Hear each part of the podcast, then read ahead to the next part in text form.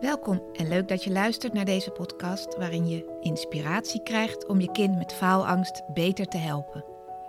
Mijn naam is Mariette Diets en samen zorgen we ervoor dat jouw kind een fijnere schooltijd krijgt. Dit is de Pubers met Faalangst podcast.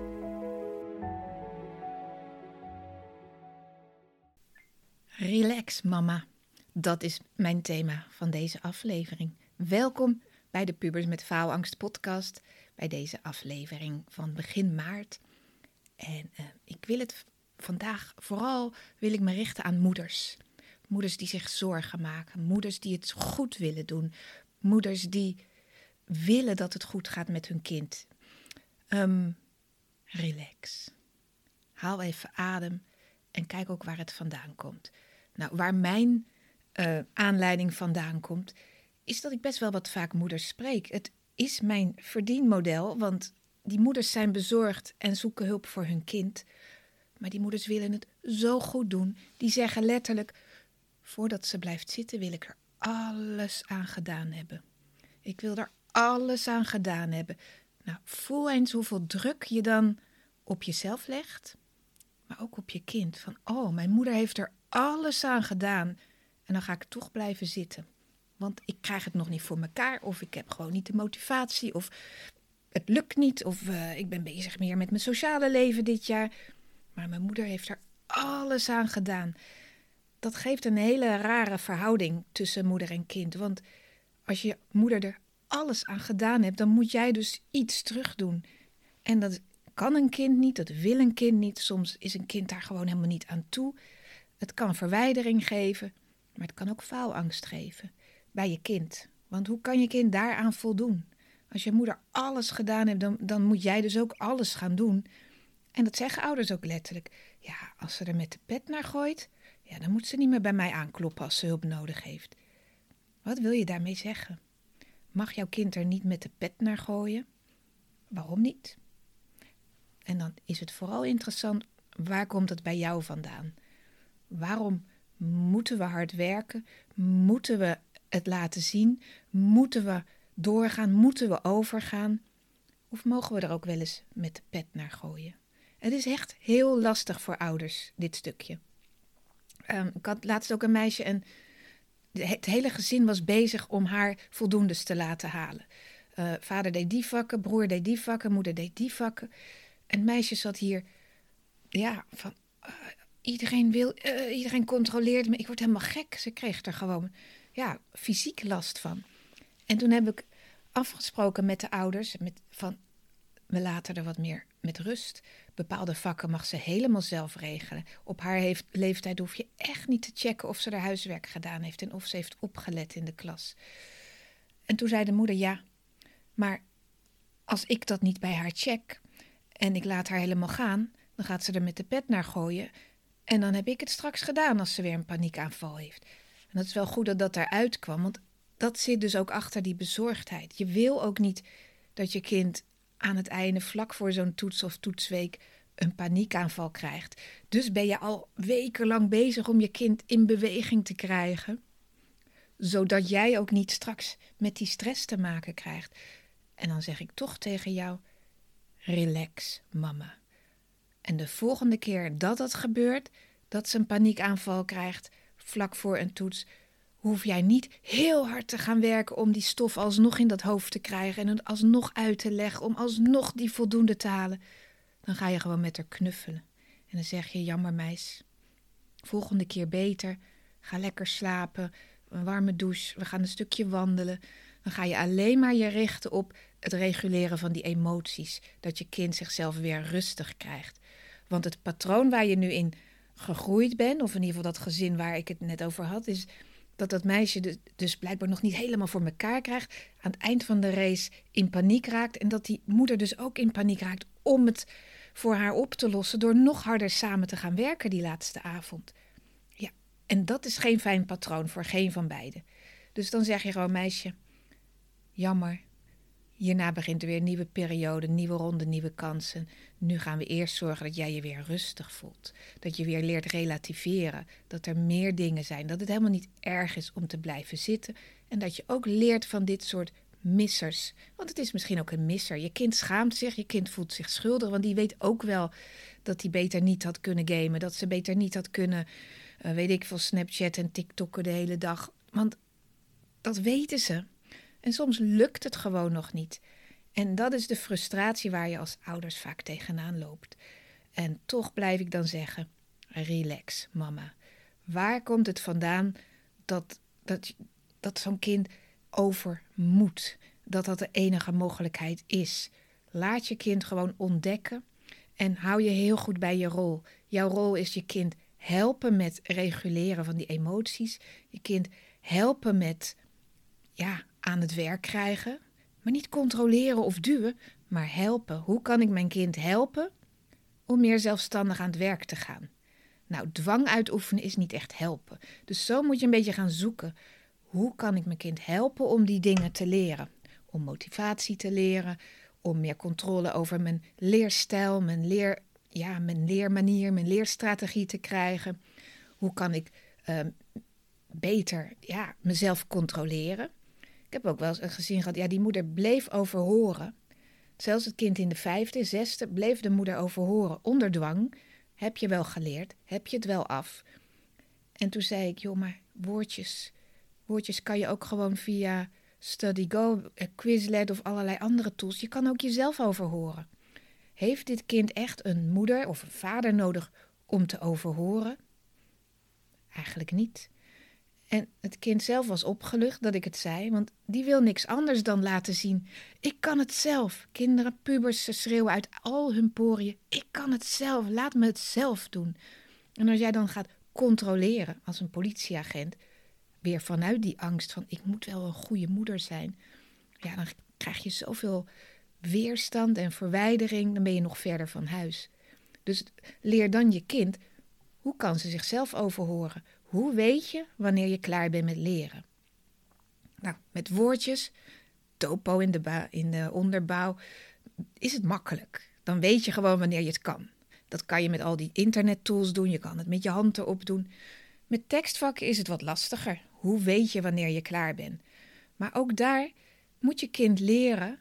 Hoe weet ik wanneer ik het goed genoeg geleerd heb? Dat is niet als ik er zoveel uur aan besteed heb. Sowieso, wat doe je in al die uren? Maar meer. Ehm, vaak staat ervoor in een hoofdstuk de leerdoelen van dit hoofdstuk zijn, of van deze paragraaf. Of aan het eind van de paragraaf staat: in deze paragraaf heb je dit geleerd. Nou, dat zijn al indicaties, aanwijzingen van: oh, dit soort dingetjes moet ik nu kunnen. Moet ik uit mijn hoofd kunnen, moet ik snappen. Ik moet de plaatjes erbij snappen. Zeker bij geschiedenis. Ik moet de bronnen snappen. Ik moet daar iets over kunnen vertellen. Nou, begrippen over horen is ook makkelijk. Leg je ook weer je hand erop. Die moet je gewoon kunnen opdreunen, stampen, ezelsbruggetjes, whatever. En zo wordt je kind steeds zelfstandiger. En hoef jij niet politieagent te zijn. Nou, bedoel ik dan, beste moeders, relax. Je hoeft geen hulp voor je kind te zoeken. Dat is het nou ook weer niet. Want het is wel waar dat als een kind eenmaal hier bij mij zit, of bij iemand anders in het land, ze praten wel makkelijker met een vreemde. Mijn dochter praat ook makkelijker met iemand anders. En dan ik heb het al eerder in de podcast gezegd, dan zegt ze ook echt, ja, die mevrouw begrijpt me tenminste. Denk ik dan, ik begrijp iedereen die hier komt.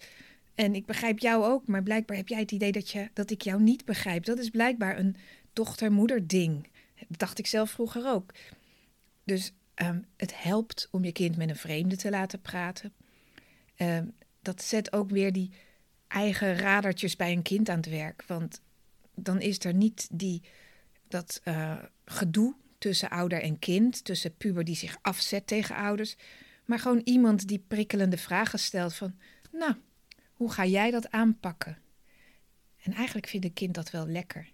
Ik zat gisteren met een brugklasser en uh, via Zoom, want ik werk ook heel veel online. En de les ging over plannen en organiseren. En heb ik een, het ging, was over de training Ik leer leren. En les 3 gaat dan over hoe maak je een planning? Hoe gaat het met de executieve functies van je brein? En ik kan allerlei dingen dan bespreken met een kind. En aan hem vroeg ik: wat heb je de komende week op je bordje? En uh, nou, hij had gelukkig vier dingen, vier toetsen op zijn bordje: twee SO's, twee proefwerken. En toen gingen we ze helemaal opschrijven. Voor hem ook heel helpend. Wat moet je dan voor Nederlands doen? Wat moet je dan voor geschiedenis doen? Wat moet je dan voor wiskunde doen? En wat moet je dan voor uh, geschiedenis doen? Die waren, ik weet niet of ik nu mezelf herhaal, maar in ieder geval waren vier vakken. We schreven op per vak wat moet je doen. Hoeveel heb je al gedaan? Hoeveel moet je nog doen? Hoeveel uur gaat je dat kosten? En hoe ga je dat de komende dagen aanpakken? En zo hebben we gewoon via Zoom met het whiteboard open, samen met hem heb ik bedacht van nou, wat is nou handig? Dit kunnen ouders ook prima met kinderen, maar daar zit dan toch jeuk tussen. Dus daarmee bedoel ik, soms vinden ze het fijn om dit stukje met een vreemde te doen. En het, het is vooral fijn dat de moeders daarna denken: ah, ik ben blij dat jij dat met hem gedaan hebt. Want dan hoeven wij hier niet over te praten. En dan kan ik weer gewoon moeder zijn. Nou, hoe lekker is dat als je gewoon moeder kan zijn. En niet meer die druk voelt van: ik moet mijn kind door dit schooljaar heen zien te krijgen. Als die maar een diploma heeft. Dat is ook wel een overtuiging die heel veel ouders hebben. Als die maar een diploma heeft. Als ze maar slaagt. Als ze maar door die middelbare school komt. Dan heb ik het goed gedaan als moeder. Ja, het is inderdaad handig als dat gebeurt. Maar je kan daar oogkleppen van krijgen. Dat je alleen maar daarmee bezig bent. Ik moet mijn kind door de middelbare school. En dan is het goed. Ik denk dat je beter een ander doel kan hebben. Ik wil dat mijn kind zelfstandig door de middelbare school komt. Of in ieder geval dat hij tegen tijd, de tijd dat, dat er een eindstreep is in, in het examenjaar, de boel zelfstandig kan. Want daarna heb ik totaal geen controle meer. Ik, hè, mijn kind studeert nu. Ik weet niet wat zijn huiswerk is, wanneer ze tentamens zijn, wanneer dit of dat. Dus er komt een moment dat een kind het allemaal zelf moet doen.